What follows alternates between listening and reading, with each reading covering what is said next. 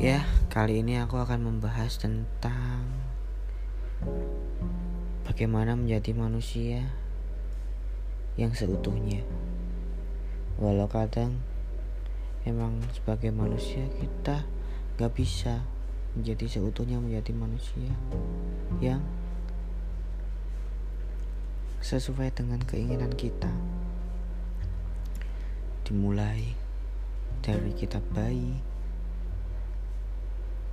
kita di mana dilahirkan, orang tua kita siapa, ya semuanya surprise, surprise, semuanya kejutan.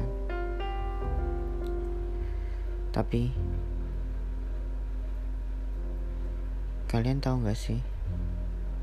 Kalau dengan itu semua menandakan kalau kita itu sebenarnya nggak punya kontrol atas diri kita. Dan jika kita punya kontrol, kita cenderung akan melakukan hal yang lebih karena negatif. Jadi kita mengontrol diri kita ini ke arah yang negatif.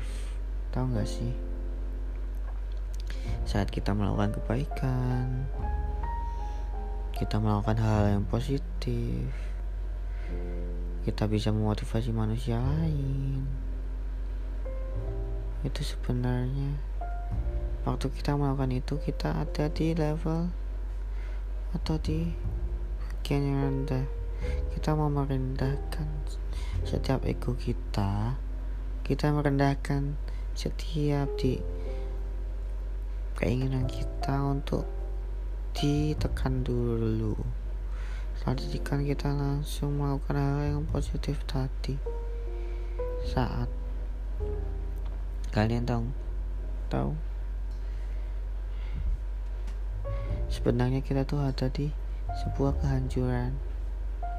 Kehancuran yang sedang menunggu. Tapi kenapa?